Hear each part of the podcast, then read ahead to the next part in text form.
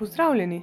Podcast Tandem je stečišče različnih perspektiv in znalcev iz sveta menedžmenta, biznisa in tehnologije. In z vami sem Romina Kavčič.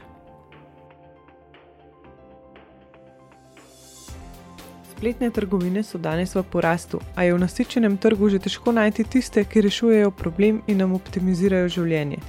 Kako se lotiti raziskovanja trga, testiranja produkta in vzpostavljanja spletne trgovine, da boste uspešno gradili posel, sem preverila pri Primožu in Marinu. Skupaj z ekipo so vzpostavili spletno trgovino Dela Spina za nakup dioptrijskih in sončnih očal, ki je na našem trgu dobrodošla novost. Marin Medak je soustanovitelj Dela Spine, ki spreminja način nakupa dioptrijskih očal skrajšanjem dobavne verige, lastnim laboratorijem za brušenje leč in direktnim stikom s kupci, Dela Spina ponuja veliko prijaznejšo uporabniško izkušnjo nakupa očal za polovično ceno od običajnih optik. Pred Dela Spino so bili Marinovi podvigi drugačne narave, med drugim je preveslal Atlantski ocean, Sredozemlje ter še nekaj drugih morj. Primoš Mahne je trenutno vodja raziskovanja v Gigo Designu. Organizacijam pomaga pri načrtovanju boljših storitev s fokusom na uporabnikih. Sodeluje z lokalnimi naročniki, ki nastopajo na globalnem trgu.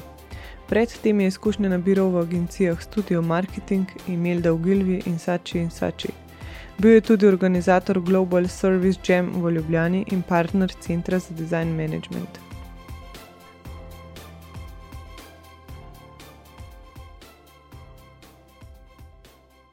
Um, najprej lep pozdrav obema, me veseli, da ste se odzvala po vabilu. Um, pa bi za začetek kar eh, povedala, s čim se zadnje čase največ ukvarjata, pa v bistvu kako sta se sploh našla oziroma začela sodelovati. Ja, hvala za povabilo. Uh, ni prvič, da delava skupaj. Že 2014 smo uh, z Igo Designom in Primožom uh, delali skupaj na takrat najmanjšem polnilniku na svetu za iPhone. Uh, smo zelo dobro sodelovali, sicer zafrknili zelo veliko stvari in projekt ni uspel, ampak eh, ker smo tako dobro sodelovali, smo zdaj se odpravili na novo zgodbo skupaj. Da boste popravili vse napake. in mogoče naredili kakšno stvar uh, s tem vedenjem. Bolj, čeprav je bila tista naloga malo drugačna, ampak um, smo se tudi vsakega fejla, smo se pravili, kaj naučiti. Ja, to je tako. A to ste za Kickstarter je bilo takrat? Ne? Ja, ja, no, ja ta polnilni smo dali na Kickstarter, pa smo čistko osnovno nismo dovolj hitro predstavili javnosti, kaj delamo, tako da nismo imeli pol časa zbirati feedbacke, pa lide tudi smo malo preveč skrivali samo idejo in se je to poznalo.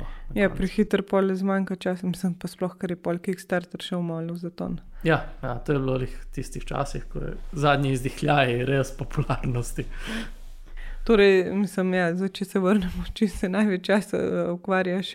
Um, ja, trenutno z dioptrijskimi očali, uh, zaštartili smo dela spino. Pa vemo pa tudi, da veliko potuješ, oziroma živiš bolj avanturistično.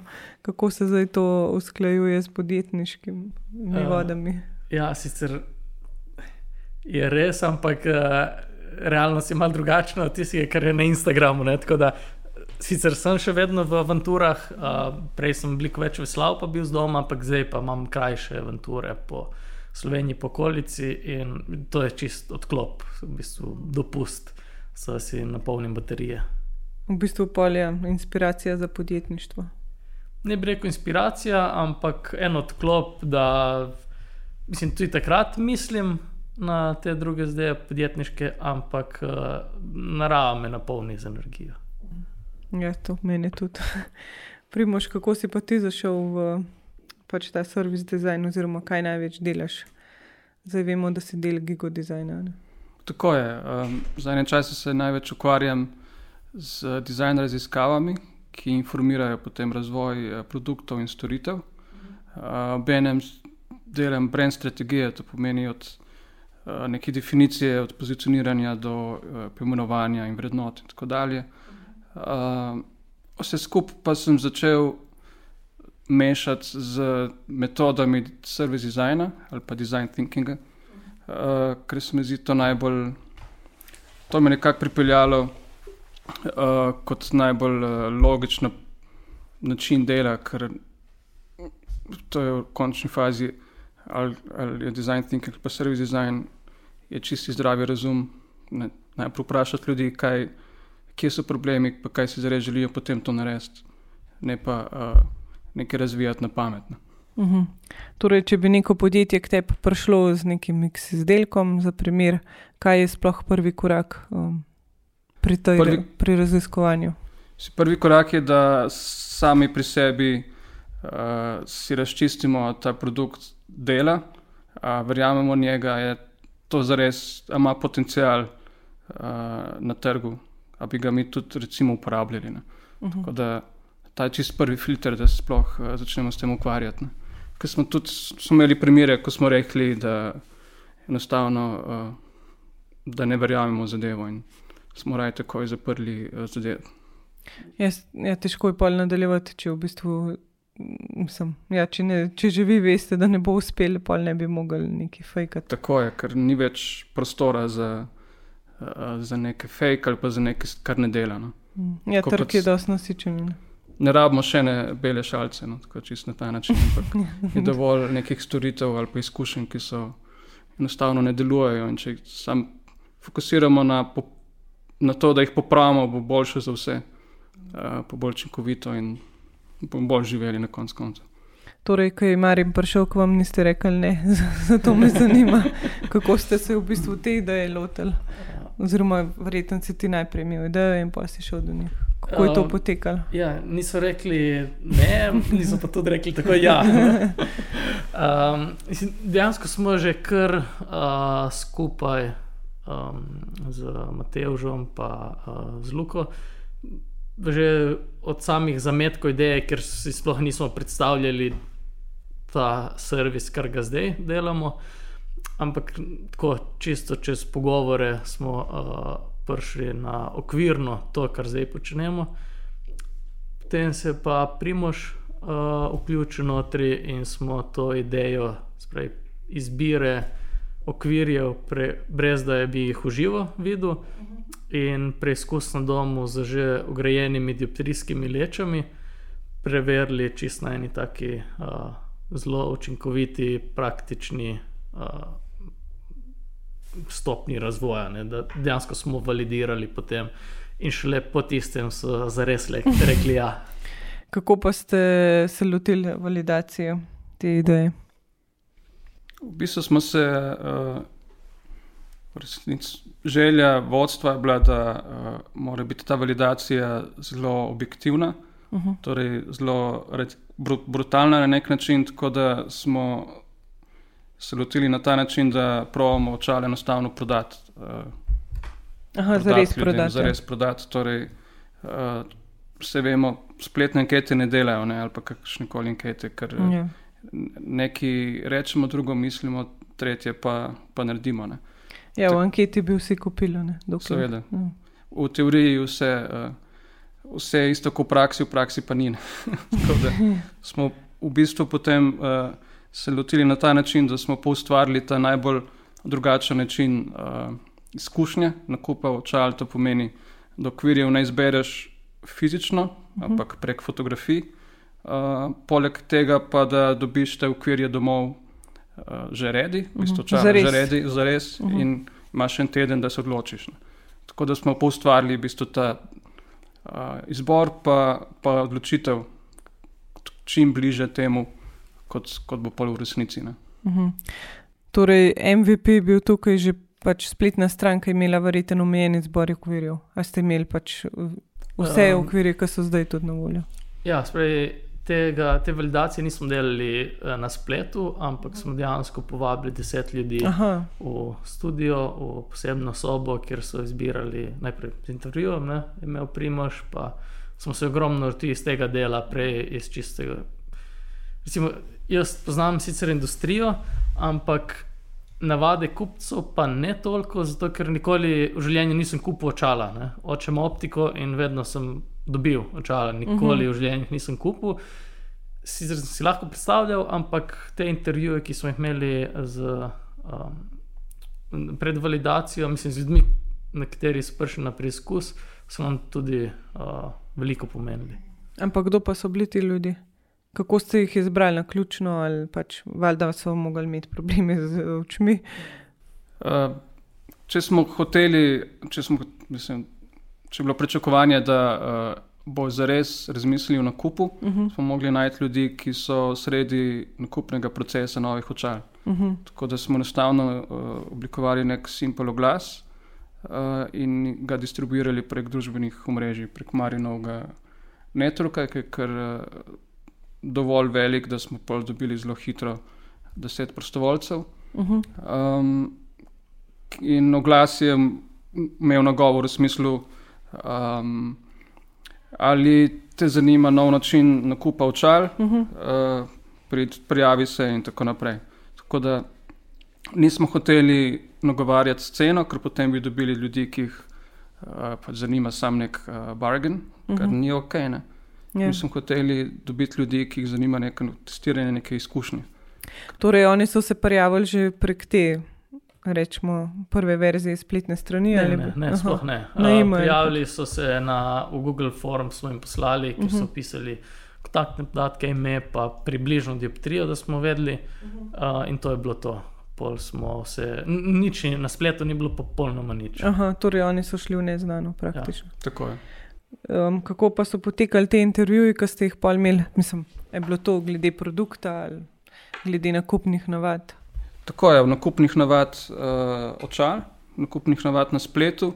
In uh, vprašali smo jih tudi, ali kupujejo kakšne oblačila ali pa obutev prek spleta, Aha. ker smo hoteli razumeti, ali je ta uh, omejitev, da ne moreš nečesa preizkusiti, provat prej, uh, za njih prevelika ovira za, za tak način nakupovanja. Uh -huh. Uh, in tu je, to smo poprašali z tega razloga, da smo kasneje razumeli uh, njihove odločitve. Če se recimo ne bi odločili za nakup, a je mogoče tam nek razlog. Ne? Uh -huh. Tako da smo, smo probali že prej jih spoznati, preden se testiranje začne. Ne? Uh -huh. Kako pa je pa potekalo testiranje? Da Uh, Prišli, mislim, peljali smo jih v eno uh, ločeno sobo, kjer so bile na mizah fotografije očal, uh -huh. spravi neka offline verzija spletne strani. Uh, fotografije so bile ok, niso bile pa profi narejene, to sem jih jaz pač v enem belem uh -huh. boksu naredil, ampak pa nisem fotograf. Um, sprintane na A3, prepognjene, uh, pogledi okvirjajo iz treh uh, zornih kotov. Uh, jaz sem jim razložil, zakaj se gre. Uh -huh. uh, spravi, tudi to neka. Morali smo jim dati občutek, da gre za kvalitetno očala, um, ker ipak so očala nekaj, kar nosimo vsak dan in je medicinski pripomoček. Uh -huh. uh, tako da uh, s to zgodbo, pa da imamo družinsko optiko, smo uh, dali en občutek zaupanja. In potem smo jih prosili, naj si izberejo tri okvirje, ki so jim všeč, v katere bomo mi ugradili notri njihove prave dioptrijske leče in jim poslali za testirati. Um, in je bilo zanimivo, recimo, pozvati pol, kako so se nekateri lotili te izbire. A so je bilo sistematično, ni bilo sistematično, a, a so ne vem, izbrali tri enake ali tri različne. Ja, je končna izbira pol po enem tednu. Tu je že sam uh, preletavanje od enih do drugih, ali so šli zelo na široko, ali so uh, tist, tudi tisti končni izbor je bil uh, zelo sorodne med sabo, ali so bile čist neke tako zelo radikalne razlike med, med posameznimi. Ko smo hoteli razumeti tudi, kako ljudje v resnici uh, izbirajo, če imajo 13 izbira. Ne. Ja, ker verjetno je to spet odvisen, kako pač poslovni model se vzpostavlja. Tako pa tudi, kaj, uh, za kakšne s- namene jih uporabljajo. Zanimalo nas je tudi, uh, ali bo zanimivo imeti za, za ljudi tri različne okvirje, pa mogoče potem jih izbirati glede na uh, priložnost, uh, barve in tako naprej, kako se oblačijo, ali imeti za rezervo. Tako da tukaj je več Aha, enih uh, Faktorje. faktorjev, ki, ki so nam potem v bistvu informirali nadaljni razvoj na storitve. Ja, mislim, tle recimo lahko bi se izkazalo, zdaj dela spina deluje tako, da si ljudje zberejo tri okvire, ki so všeč na spletu, mi vse gradimo leče notri in pošljemo. en teden imajo, da očala nosijo in se šele potem odločijo. Lahko tudi vse tri vrnejo nazaj brezplačno. Tako da ključno je, da vsaj eni od treh pašejo uh, gor uh -huh. ljudem.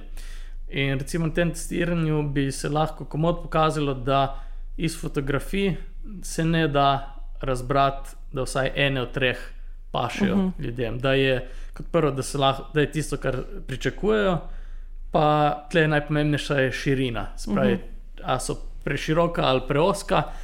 In izkazalo se je, no, da tri je v redu število, uh, in to je velik faktor pri celem poslovnem modelu. Uh mhm. -huh. Da polje ne pašijo.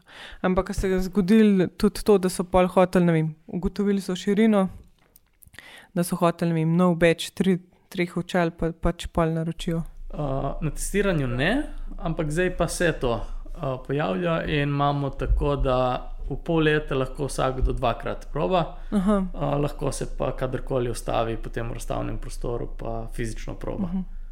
Kaj pa je bilo, recimo, preden ste začeli validirati ideje, pa kaj se, kaj se zdaj razlikuje? Ali je bila kakšna ključna razlika, ali pa ne vem, ste kakšen feature izpustili, dodali karkoli?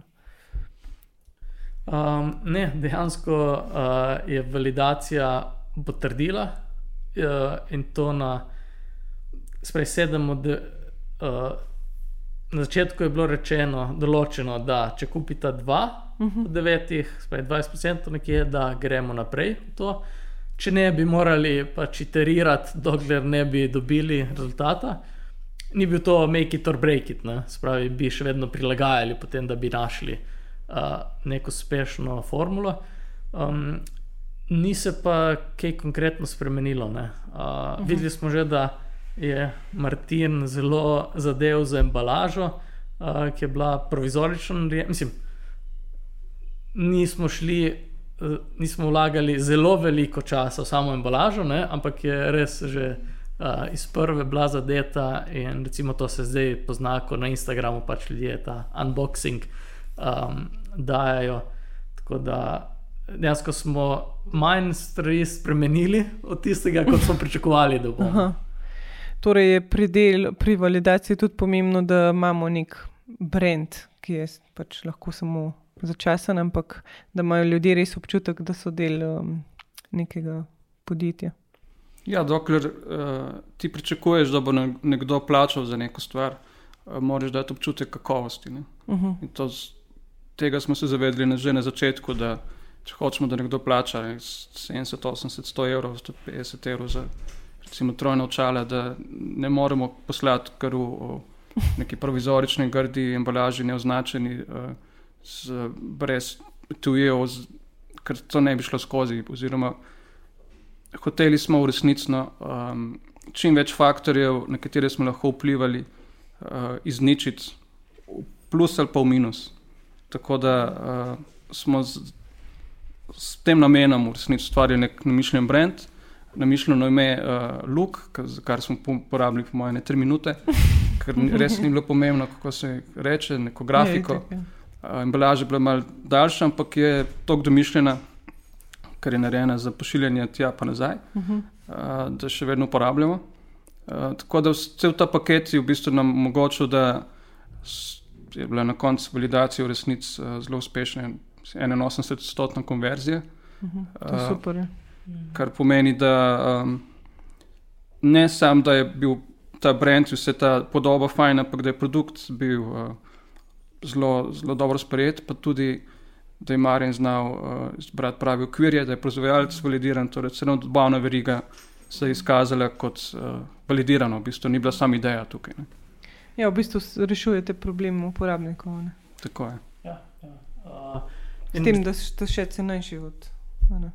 Ja, mislim, dejansko malo industrije je danes, kjer uh, uporabnik nima moči. Tako, mislim, v principu, če očala kupiš preko interneta, v Sloveniji, uh, trgovec jih ne moreš vrniti, ker je to izdelek narejen po meri in pač nisi upravičen do onega 14-dnevnega roka za vrčilo denarja. Uh -huh. um, tako da tudi ko greš v optiko, pa če so očala narejena po uh, tisti dioptriji, ki jo izmeril uh, okulist, optik je naredil svoje ne, in pač je to problem kupca, če na nje ne vidi. Um, tako da posod drugje se mi zdi, da, je, da ima kupec večjo moč, kot jo ima pri izbiri očal. Uh -huh. uh, tle pa dajemo celotno odločitev v roke kupca in dejansko se kupijo očala izključno takrat, ko so z njimi zadovoljni. Ja, plus to, da imaš še svoje dioptrijo, kar, kar sploh ni možno. Da. Ja, ja spravi, da, ta, da en teden lahko nosiš troje očal uh, svojo dioptrijo. Uh, to mislim, je v globalnem, uh, globalno inovacijo. Mm.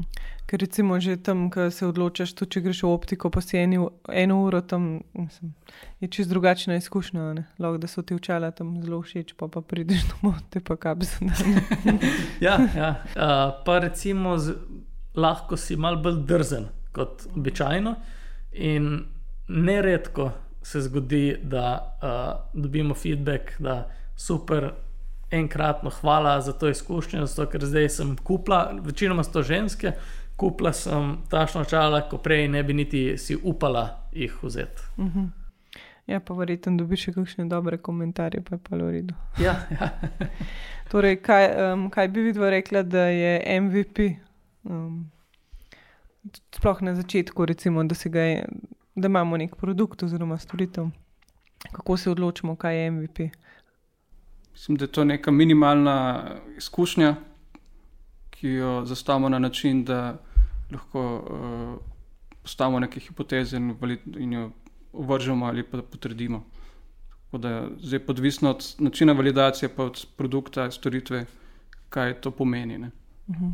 Spravi, mislim, pri nas, recimo, ko smo delali to validacijo, uh, okvirji niso bili brendirani, um, etuji niso bili brendirani, tako da še vedno ni bilo ful enega, mislim, denarja vloženega v to, uh mhm. -huh. nekaj je bilo, ne? ampak uh, sprašujejo nas to, skrat, zakaj nismo prekneta probili, oziroma eno provizorično spletno stran postavili. Uh mhm. -huh. Ampak se mi zdi, da bi trajalo veliko več časa, da bi to naredili kot čisto fizično sprintati. 50 A3 listov z očali, gor in. Ja, pa spet povabiti. je pol ta hesel, ki pač, če ne bi bila spletna stran ok, oziroma da je težko klikati, kar bi bilo verjetno, ker ni optimiziran, mm. je spet neko zaupanje v misel. Tako je. Ali imaš dve, uh, ali neka stvar mora zgledati, da je um, provizorična. Torej, ne, A3 list z, uh, s fotografijami okvirjev dobesedno provizorično, zelo jasno je, da je to neka provizorična rešitev uh mhm. -huh. in da tako tudi testiranci vzamejo. Uh, če bi pa šli zdaj spletno stran delati, tudi kot oblikovalci ne bi mogli narediti, bi se z njo ukvarjali čisto preveč časa, ker to je v neki naravi, da ta perfekcionizem ni učinkovit. Kar mislim, perfekcionizem, navajeni smo na, nek, na projekcije, ker mora biti zadeva dosti doterana. Tako da ja. In so tukaj bi preveč spet en faktor uh, dodali v formulo, ki ni čist, uh, ki ne bi delal nam uprit. No. Mm. V bistvu ne bi bil nikoli dovolj dobro narejen, pa ne bi, skratka, ne bi dobili prave slike z tega, pa ne bi vedeli, zakaj mogoče, ali so tisti rezultati res. Pravi ali pa ne. ne. Je pa Primož dejansko potem vodil še uh, čist validacijo, pa preizkus spletne strani. Um, ko smo delali prvo iteracijo in smo štiri uh, ljudi povabili za testirati. Aha, to je bilo pa druga faza. Ja. Uh, in smo videli, da smo veliko stvari uh, zafrkani. Uh mhm. -huh. um, in smo potem, v bistvu, v InVisionu je bilo narejeno tako, da je že, recimo, linki so delali. Um, Ampak se... kaj ste zafrknili v smislu uporabniške izkušnje ali ja, predstavitve? Ja, ja. Mogoče neka pričakovanja, da to je bilo recimo tudi za Kajo, za oblikovalko našo zelo, zelo zanimivo, da uh, če se ukvarjaš s spletnimi stranmi, kot se mi, vsak dan so te neke stvari jasne, so neki principi zelo uh, in pričakuješ, da, da nekaj tako dela kot sicer. Uporabniki pa tega ne doživljajo na isti način. Zato recimo, ko naj bi scrollali, uh, tega niso naredili, enostavno niso videli, da obstaja še tri četrt strani pod. Uh, ne, Aha, niso scrollali niso scrollali, ker ni bilo Aha. nič, kar bi nakazovalo, da se lahko. Aha. In to je bil tak aha moment, ki se rečeš, da ja, moraš drugače pogledati na stvar kot uh, z drugimi očmi. ne. Mhm. Nimamo vsi vsi, uh, enakih izhodišč, pa uh, imajo uporabniki neke čisto svoje specifične uh, izkušnje. Ne. Ja, mislim pa, ne vem, smo jih sprašvali, ali razumejo pricing, um, a zdaj, sploh razumejo, zakaj se gre, ne, čisto osnove. In ja, smo kar spremenili pol. Ne. Um, Tudi predstavitev pa spletne strani. Ja, ja. Mhm. Uh, je bilo, mislim, takrat, ko je bila tista validacija prej, da nismo skoraj nič spremenili, smo potem morali prešafljati. Ne na novo vse delati, uh -huh. ampak samo malo uh, levo, desno, pa uh, kaj se kje prikazuje, da smo pol usmislili celoto. A ste pol naredili uh, popravke in pol še enkrat testirali? Tako je v enem tednu smo uh, naredili popravke, pa še mislim dva ali pa tri povabili. In je, so bili rezultati bistveno boljši, in smo videli, da lahko gremo naprej. Pa to so bili spet ljudje, ki so bili v, naku- v nakupnem procesu. Uh, Učali. ja, ja uh, ker smo jim potem ponudili, čist, pač, oni so si morali vzeti vsaj eno uro časa za to. Tako da smo jim potem uh, ponudili 20 evrov uh, popusta za nakup čal, ki so ga lahko izkoristili takrat ali pa kadarkoli. Tako da nekateri skupili takrat, nekateri pa ne, po pol leta. Recimo. Ampak tle je bilo zanimivo to meni kot lajku, ker prej nikoli nisem tega delal, da kako lahko z majhnim številom ljudi dejansko prideš do enega smiselnega rezultata, um, ki ti da odgovore na veliko vprašanj, kljub temu, da jih ni sto prišlo tam. Mm. Ja, se optimalna številka je neka pet, recimo. Mislim, največkrat že teh pet ljudi veliko povejo. Mm. Pa če gre v večjih iteracijah. Ja, 5 do 8 ti najde že 80 odstotkov bagov. Mm. Za tistih zadnjih 20 uh, odstotkov porabiš bistveno več ljudi. Ja. Ampak, bi re, um, primoš, če bi recimo pač spet gremo k nekemu X projektu, se verjetno prototipiranje razlikuje za hardware in software. A je obstaja neka številka, koliko iteracij je treba narediti, oziroma kako vi delate? Ker imate različen range produktov, oziroma Ja, tu je um, zelo odvisno, koliko stane ena iteracija. Recimo, ko se Aha. razvija neka uh, jadrnica, tukaj je mogoče iteracij manj, oziroma je, je ta prototip, uh, verjetno, zdaj imamo prototip, oziroma um, umerilo ena, ena, uh, eno jadrnico v studiu, no, ki wow. ene 35 čevljev. Aha. Uh, to je maksimum, kar gre, tako da naslednja bo, po mojem, mogla biti kaj druge. In je interjer narejen iz uh, kartona. Aha. Meni, Vse da, pač. ja, tako da prva iteracija je bila čisti karton, zdaj je pa malo lesa, zato da se lahko tudi usedeš na klopce in tako naprej. Uh, in tu je, tukaj mislim, da bomo go- dve iteracije, tri, neke iteracije se delajo v bistvu uh, fizično, ne pa se jih preizkuša, pa druge so pa drugačne. Ne, ampak, Renderi. Tukaj jih je bilo recimo manj, ker je malo bolj kompleksna zadeva, če gre pa za uh, spletno stran, pa neke manjše zadeve, ki s- se lahko mogoče s 3D printi, da igrati pa lahko tega več. Ne. Nekaj- Ja, idealne, mislim, da ne obstaja idealne um, števila iteracij, do, iteracij mora biti dokler, koliko, koliko jih je treba. Ne. Ja, v bistvu je tako, je treba skozi iterirati. Ne. Se tudi zdaj, ko imate pač online to spletno stran, boste verjetno delali več popravkov. Uf. Mislim, jaz se zadnji Dnevno, dva meseca samo opravičujem, kaj vse ne dela. Ne? Um, ja, mislim, teorija zdrži do prvega trka s prakso. Ja. In uh, veliko stvari smo preizkusili prej, ampak smo tudi naredili uh, kar nekaj napak. Pač ne, že ko so s Primožem delali vse možne scenarije, so jih naredila med 20 in 25, Uh -huh. pa se zdaj pojavljajo novi. ne. In, V smislu uporabniške izkušnje ali Ja, ja. procesa sploh. Uh, obojega, obojega, mm -hmm. spravi. zmanjkalo leč za ena očala narediti. Uh -huh. In imamo pa leče za dvojna, tako da zdaj, kaj ja, pošljemo tiste dva, pa rečemo, da enojna pridejo čez tri dni. Uh, tega nismo prej predvideli. Uh, pa ne samo iz uporabniške izkušnje, tudi iz naše proizvodnje, zato ker uh, ni čisto klasična trgovina, kupi prodaj, uh mhm. -huh. ampak je dejansko mes proizvodnja, uh, mi sami brusimo leče in teh različnih produktov je več kot tisoč, mm. različnih leč, pa okvirjev in je kar kompleksna uh, stvar zadnji. Tako da mor, v zadnjih dveh mesecih smo odkrili ogromno stvari, ki jih moramo še dodati. Mm. Ja, pa na vse zadnje tudi vpliva to pol na poslovne izide. Ja, ja, veliko, mislim čisto, kar smo opazili zdaj, če šipamo tisti dan, ko smo dobili uh, naročilo, pa naslednji dan, zagotovo stranka se uh, zahvali ali pa pošera na Facebooku, na Twitterju, na Instagramu, wow, kako hitro sem dobila očala. Uh, če pač dobi v enem tednu, je to pričakovano, ker je enako tudi v optiki. Uh -huh. Tako da uh, je kar razlika. Ja, verjete, je tudi odvisen, koliko ste zmožni polene hitro uh, narediti. Ja, ja. Tudi mogoče odleče se in nekatere leče so verjetno bolj kompleksne. Uh, ja, redke, uh, ampak so.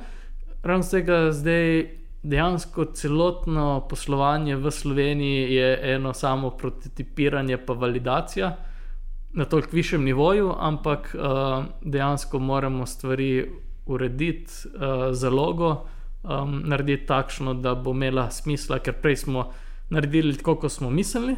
Uh mhm. -huh. Ampak iz prakse se je izkazalo, da uh, moramo še kar uh, povečati uh, zalogo na nekaterih segmentih leč, uh, ker je pač po, čist poslovni uh, rezultati se ne izidejo, če moramo kupovati od teh evropskih uh, dobaviteljev, distributerjev. Uh mhm. -huh enake stvari za trikratno ceno, kot jih dobimo pri našem proizvajalcu, ki dela te iste lečene uh, uh, na kitajskem. Tako da je dejansko cela Slovenija no, en sam prototip za nas trenutno.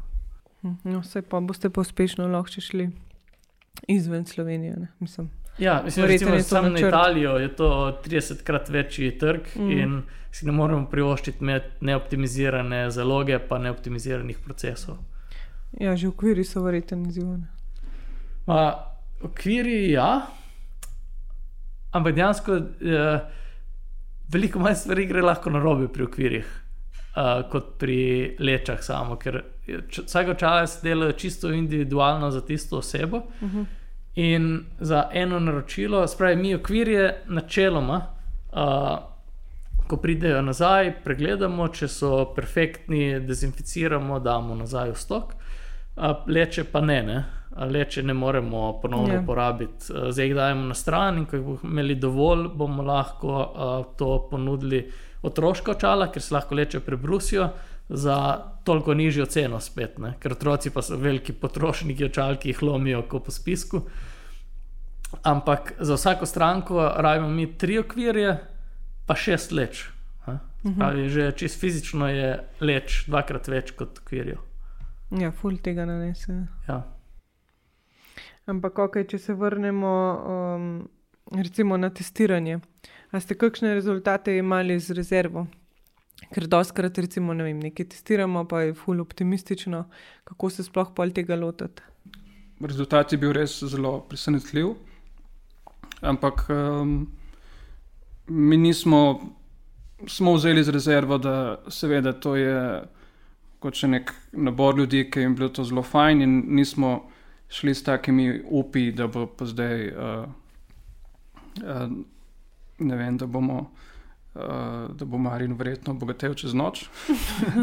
ampak kakorkoli, uh, vzameš rezervo, ampak greš pa samo, z, mislim, da tudi Marino, samo zavestno naprej, ker veš, da zadeva je, je zelo pozitivna in da sploh tudi.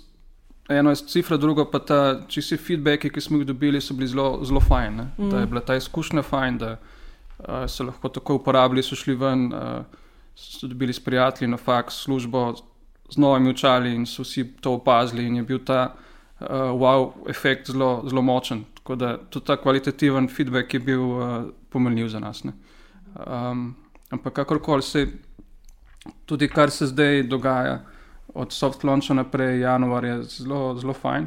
Uh, se marim, ti, ti lahko več, več poveš. Ja, je, mislim, so rezultati. Že, mislim, ko smo po validaciji, ko je bilo teh 80% recimo, ljudi, da uh, so kupili, uh Mhm. -huh. nismo šli v poslovni plan, pa spremenili, da bomo imeli konverzijo 80%. Um, smo še vedno pač ne vem, pol tega. Um, ampak recimo zdaj, tisti, ki imajo dejansko resen interes, uh, smo približno tam, tam pri tej konverziji. Uh, se pa pozna čisto, da ljudje, nekateri pač probajo, ker je zastojen, kar nam malo uh, poruši statistiko, ne pa finančno stanje, ampak je še vedno dober marketing. In um, tudi če tem, ki nič ne kupijo, ponudimo dobro izkušnjo. Še vedno oni povejo uh, Naprej. naprej, uh, enkrat, ko bodo zares potrebovali očala, se bodo vrnili. Tako da ni stran vržen denar, tudi te, ki ne kupijo, ne? so ker jim ponudimo nekaj dobrega, nekaj uh, z vrednostjo za njih, in uh, to potem se širi. Ja, v bistvu ste mogli še to ukalkulirati. Ne? Višji stroški marketinga so s tem nastali. Ja, ampak uh, po drugi strani je pa potem strošek akvizicije toliko manjši, ne? ker uh, se dobra roba sama hvali. In že to, da je razlika, recimo, ali bi mi samo poslali okvirje za provat, pa potem imeli, ne bi imeli stroška z lečami, pa z delom, uh -huh. ali pošljemo gotova očala, ki jih dejansko lahko uporabljajo. Uh, po, če pošljemo končana očala, tako kot zdaj grejo ljudje ven, kot reko Primož, ne pokažejo uh, prijateljem, oni primejo roke in ni tako, da samo govorijo o nečem, ampak vidijo izdelek, vidijo, da je v redu. Po drugi strani pa tudi imajo že troja očal tam in recimo veliko je kupi dvojna polena za rezervo še. Ja, tu čist uh, gramo na nek način ali pa izkoriščamo to, kar vedenski ekonomisti pravijo loss aversion. Ne? Torej, uh -huh. uh, mi, ko imamo že nekaj v roki, uh, dosti težje to damo stran, Ja, oziroma se te, temu odpovemo. Ne? To je približno kot ko narediš uh, tesno vožnjo z avtom, prodajalec avtomobilov že ve, da verjetno boš kupil. Mm. Tako da ta moment je zelo močen tukaj, če se očale že z z izlečami notne. To je res. Ja. Sam, naprimer, um, za jadrnice, pa verjetno testirate drugače, oziroma so čist drugačne analize kot prvo, itak dražji projekt, um, dražja iteracija. Tam je uh, ta maketa ena ena, ima čisto funkcijo razumevanja prostora, v bistvu. Aha. Uh, ker Za dizajnerja in za klienta. tako je. Ja. Za dizajnerje, da se razume prostor, da se išče neke inovacije, zato da render vse, v resnici vse prenese. V, v resnici je pa pri majhnih prostorih 10 cm lahko zelo drugačen. Tako da ena, to je ena. Uh, en benefit, drug benefit je pa, če vidiš uh, nek mogoče inovativno rešitev na skrinu, drugo pa če jo lahko probaš, je bo klient dosti prej sprejel kot uh, zase, oziroma je bo dosti prej potrdil, kot če to sam uh, prikažeš v nekem renderu. Tako da to ima tudi ta, ta efekt. No. Torej, imate praktično vi vse produkte, ki jih delate, že pri prvi iteraciji probate narediti vsaj nek mm, prototip, ki je pač otipljiv, karkoli že pač je to. To je idealen scenarij projekta, ki žal ni vedno tako. Uh -huh. Um, ampak glede na to, da se vedno bolj skušamo premakniti v smer uh, nekoga, ki pomaga inovirati, uh, tudi podjetja ali pa naročniki razumejo, da je ta prvi, tako imenovan prvi diamant, tam gre še za raziskovanje potreb, pa prototipiranje, pa iskanje nekih reš novih rešitev, potreben za ta pravi inovacijo. So pa projekti, kjer uh, enostavno nima smisla uh, testirati, prototipirati, ker je čisto izvedbeni, uh -huh. izvedbena zadeva. Torej, ne, narediti nek kvalitetno oblikovalsko delo. Ne. Tam pa je, Je pa že čez druga zgodba. je, je že zelo jasno in uh, bi, bilo kon, bi bilo enostavno ne bi bilo učinkovito uporabljen čas, če nekaj testiramo, če nimamo hipotez za uh, preverjati. Ne. Um, kako pa definiramo stične točke nakupa? Kako ste to delali z Delespino? Te ključne. V bistvu mi to razumemo kot čas, vsako interakcijo, ki ima uporabnik s podjetjem. Uh -huh. Uh, tako da, glede na to, da je tu spletna optika, je zelo dost, seveda, na, na dost podarka na spletu in na vsem, kar se tam dogaja, torej digitalu. Ne. Hkrati pa smo uh, s to samo izkušnjo, da grejo te, ki testirajo, pa tudi te, ki imajo v bistvu novo očala, so sami na nek način ambasadori uh, dela spine. Uh -huh. In uh, se tukaj dogaja nek, na nek način, nek, kot je Marin prej uh, omenil, nek marketing, ki ga mi nimamo čist pod kontrolo, ampak dokler bomo delali uh, ali pa zagotavljali odlično uporabniško izkušnjo, uh, bo ta pozitivna. Tako da mislim, da je tukaj enostavno, dokler delaš. Uh, Stvar karme, no? ker delaš dobro, zadevo, dobro ljudi, se bo to vrnilo uh, večkratno. Ja, tle mislim, da nismo neki dosti filozofirali Ni- okrog stičnih točk. Da Sam, smo probali narediti tako, da bi bilo uporabnikom čim bolj uh, prijazno. In je to to. Tukaj je, mislim, da zelo tudi cenijo zaupanje. Uh, ker eh, vseeno to, da poš, Marin pošlje brezplačno uh, s en teden lahko tudi se vrneš, uh, zelo daje neko vrednost, v bistvu, uh, oziroma daje zaupanje uporabnikom in oni to vračajo z, ne, z nekim navdušenjem zaenkrat. Ja, v bistvu jim ni treba nič dodati, po kakšnih podatkov prej. ne. Mislim, plačati. Ja, mislim, da autentificirajo se recimo s Ja. kartico ali pa PayPalom, to ja. Čisto toliko, da vemo, da se kdo od Da konkurence fake, ja. ne zafrkava preveč. Um, ampak nič pa ni, tu ni nobenega rizika, ni recimo, če očala zlomijo, popraskajo, je to vse na nas, tako da um, ni res nobene uh, odgovornosti. Uh, ampak to, spravi, uporabniki, te, ki naučijo HomeTry, zelo pazijo. Na očala se zavedajo, da je to neki, da ima vrednost, no, ne jemljajo tega kot brezplačno, pa da lahko počnemo karkoli. Um, in gremo pa vedno v nasproti uh, kupcem, tako da uh, podaljšamo eh, preizkus, počakamo s plačilom. Um, Popuste dajemo, uh, če se kupi več uh, očal. Ne, tako da, uh, Ja, se te popusti so v bistvu že del tega poslovnega modela, verjetno ste to prej načrtovali. Uh, ja, ja spravi, na drugi par očal je 20 evrov popusta, na tretji 30. Um, Tle se vidi razlika med tistimi, ki imajo velike dioptrije, pa uh, manjše, recimo tisti, ki imajo ne, minus 5, 6, dejansko v veliki večini kupijo dvojne, uh, ker brez očal dejansko ne morejo živeti ne, in morajo imeti ena rezervna. In pri nas za ceno dveh, uh, mislim, plačajo za dvojna manj, kot bi v eni optiki za ena. Ja, to je res.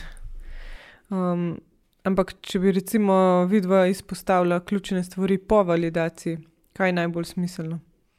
Ker recimo včasih je pač stara šola, da napišemo poslovni načrt, vse to. Zdaj startupi se zelo hitro premikajo, v bistvu, kot sta že sama rekla, imamo velike iteracije, treba stalno nekaj spremenjati. Ampak kaj so tiste ključne stvari? Mislim, da ohraniti to željo in to pot, ja, željo, oziroma ta, ta modus testiranja in uh, tega zavedanja, da nikoli nisi, nikoli ni tako dobro, da ne bi moglo biti še boljše, oziroma nikoli se ne smeš ustaviti. Uh, vedno se da kaj izboljšati, vedno se da kaj spremeniti, nič ni zavedno. Tako da uh, tudi vedno, ko prijo nove scenarije, se treba odzvati na pravi način. Uh, mislim, da je ohraniti to tudi potem, ko dobiš potrditve, uh, ne smeš izgubiti glave in misliš, misli, da si pa zdaj prišel na cilj. Car. Uh, čist bolj obrtniško uh, bi rekel, da je bilo zelo pomembno to, da smo s Primožem uh, zelo dobro razdelali scenarije. Niso vseh zdelali, ampak večino pa sva in to dobro, na podlagi katerih je šel dejansko development backenda na oduju čez. In uh, ker če ne bi tista stran delala, mislim, ne, mi danes začela je toliko naučili, da jih ne moremo več voditi preko Excela, ne? ker to bi se vse zamešalo. Tako da smo na podlagi teh scenarijev, uh, kar sem delal s Primožom, naredili backend, uh, naredili poslovne procese, tako uh -huh. manufacturing, da dejansko zadeva dela. In upam, da uh, bo nam bo to potem omogočilo tudi veliko lažjo širitev na zven, ker je že od začetka na enem uh, zelo solidnem sistemu. Ja, to je pa tako izgledalo, da smo se zaprli en dan v eno pisarno in en zelo dolg zid, v bistvu lepla postite in nekako polnila ta servis Blueprint. Torej, eh, na eni strani pet ali pa šest deležnikov, eh, ki so tu od pošte do eh, proizvodnje, do back officea.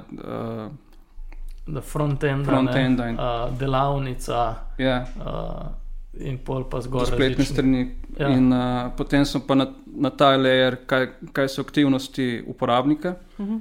Uh, in potem, kaj se zgodi, ko se kaj zalomi, kaj se zgodi, ko je idealni scenarij, pa ko nekaj zmanjka, ko ni recepta, ko ni Uh -huh. uh, zeniče razdalje in tako naprej. In tega je bilo ene 25 različnih, pa še nove se dogajajo. Tako da v bistvu je bil zelo fajn, ta servis Blueprint je bilo zelo dobro urodje, ker se da zelo hitro priti do nekih uh, vprašanj in odgovorov, kaj, kaj je najbolj smiselno narediti v teh primerih. Ne. Pa kdo najprej reagira? Ja, Uh, pa kaj je, pol, ko se zelo mi, kaj sploh moraš narediti. kaj Ne? moraš narediti, kako moraš komunicirati, napisati ta tekst vnaprej, da je uh, stand, standardiziran. Uh, vse te stvari so zelo v detalje, kar nanese. Uh -huh. Kaj pa ta jezik, recimo uporabljate pač tak bolj sproščen jezik? Verjetno ni to tudi del um, brandinga, ki ste ga uh, tudi prej vzpostavili. Ja, To mislim, je- komuniciranje prek uh, e-mailov, spleta. Ja, uh, to je, smo imeli malo debate, ne, pa moje nismo še čisto razčistili, kaj je tisto pravo, a zdaj avikata, tikat. Ne. Uh -huh. Up, mislim, po eni strani je še vedno to medicinski pripomoček, tako da ne moremo zdaj, hej, ne, pa ne smiley, recimo, se mi ne zdijo primerni, da bi uporabljali. Um, ampak po drugi strani pa je naša populacija mlajša, ki kupuje. Ne. ja. Tako da nek balans tukaj najti. To se- ni, nimam, po mojem, še končnega odgovora, čisto. No, to. Ampak tu je glavni namen, je, da je čim bolj uporabniku prijazen. Ja, ja. Pisati na način, da je nedvoumno, jasno, prijazno. Že to je, je, je dosti. Kaj Pa ne, ne na predolgo, svet, enostavno in preprosto. Ne. Ja, pa iskreno, ne, da ne. Mislim, eni gospe smo recimo leče po nesreči vrgli stran. Uh, imela progresivne in to se čaka pet dni, da se naredi. Aha. In jaz sem nekako, ne vem kako, sem vrgel stran te leče, in pač je ona zdaj še en teden dodaten, mora čakati na očala. Ko pač poveš, se opravičiš. Um, in mislim, da ljudje cenijo to iskrenost. Ja, definitivno. Ja. Ja. Ja, ker drugače bi ona se počutila, da ste pozabili celo naročilo. Ne? Ja, pa ne, če začneš, ja, pa oni so izgubili, pa poliščeš izgovore. Da ne. je nekdo drug vedel. Ja, ja. Um, pa recimo, če bi lahko čas zavrtela nazaj, bi se česa lotila drugače. Ne, ne. Mislim, tudi pol, ko smo šli na splet, ko javno ven, smo vedeli, da nimamo še čisto vsega, čisto popedenega, da malenkosti, za katere smo vedeli, da so napačne, ampak smo vseeno šli ven, da je dejansko ten trg validiral in zdaj to popravljamo. Mhm. Ampak zdaj imate za te, eh, dioptrijska očala, naslednji korak so pa sončna. Uh, Ne za spletno stran. Ali... Ne, uh, mislim, naslednji korak je širitev tujino. Aha. Tako da uh, še vedno bo primarno dioptrijska uh, očala, navadna. Uh, lani od marca smo odprli tudi showroom v Ljubljani, v pisarni, tako da uh, dejansko prve stranke so bile lani marca, že Aha, več kot enim letom, ampak ni bilo nič na spletu, tako da je šlo res samo od ust do ust. Um, z poletju uh, bomo dejansko odprli en uh, tak prostor, kot se spodobi, pa potem optika. Um, ciljanje pa širitev. Tako najprej Italija, potem pa EU. Ampak kaj je zdaj ključno za širitev? Da boste pač potestirali spletno stran, da se še določene stvari optimizirajo in pol. Ja, sprej spletno stran uh, porihtati, um, procese zadaj, tudi proizvodnja in optimizacija zaloge. Mhm. Pa pol vidva zdaj s Primožem še vedno tako pač sodelujete ali zdaj manjša ekipa, mislim, ne delate teh iteracij več toliko, oziroma raziskav, ali kako bi se rekli, dodatnih.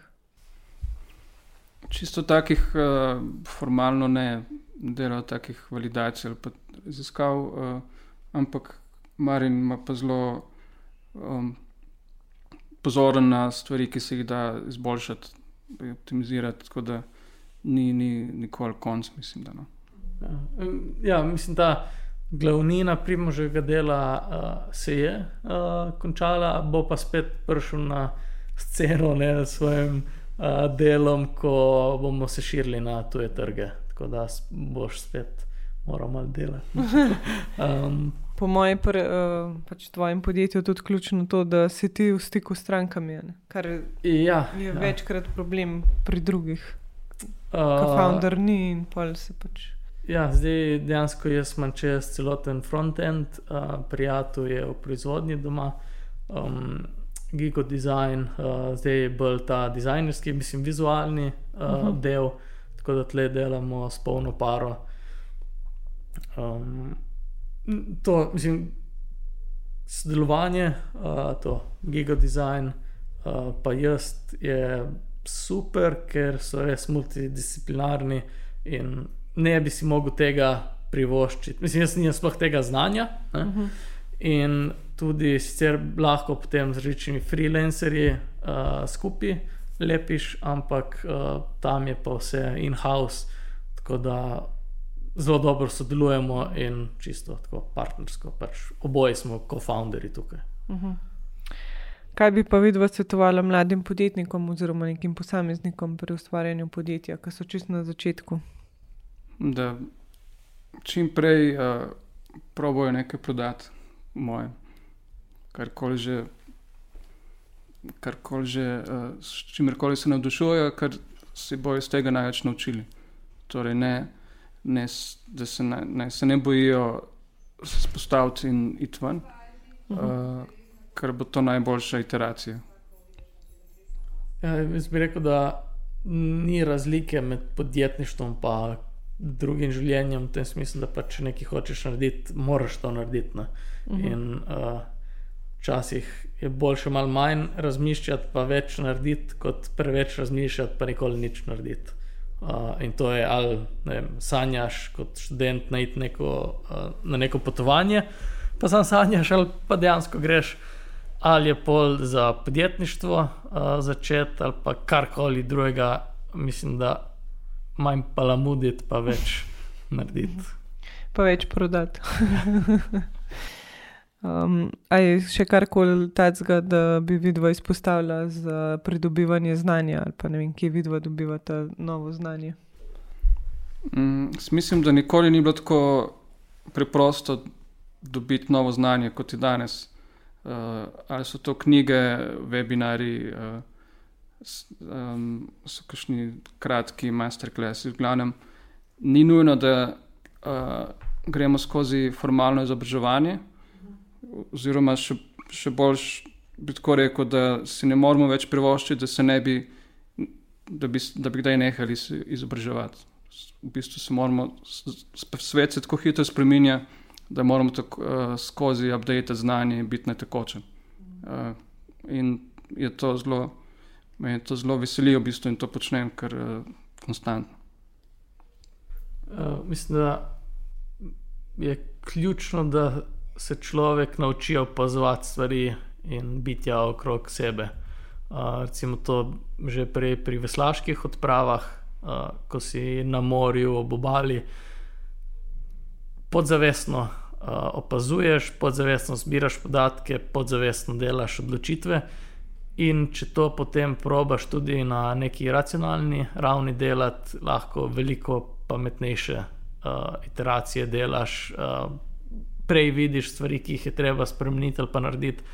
In to, da si res, da opazuješ ljudje, ljudi, kako uporabljajo tvoje izdelke, kaj delajo, kakšne navade imajo, kako reagirajo, je po mojem ključno za razumevanje uh, sveta. Ne. Ja, super, se strinjam. Uh, hvala vam za ta pogovor. Pa upam, da kdo še najde inspiracijo, pa predvsem um, kakšne dobre podatke iz vaše zgodbe. Hvala za povabilo. Hvala za obilo.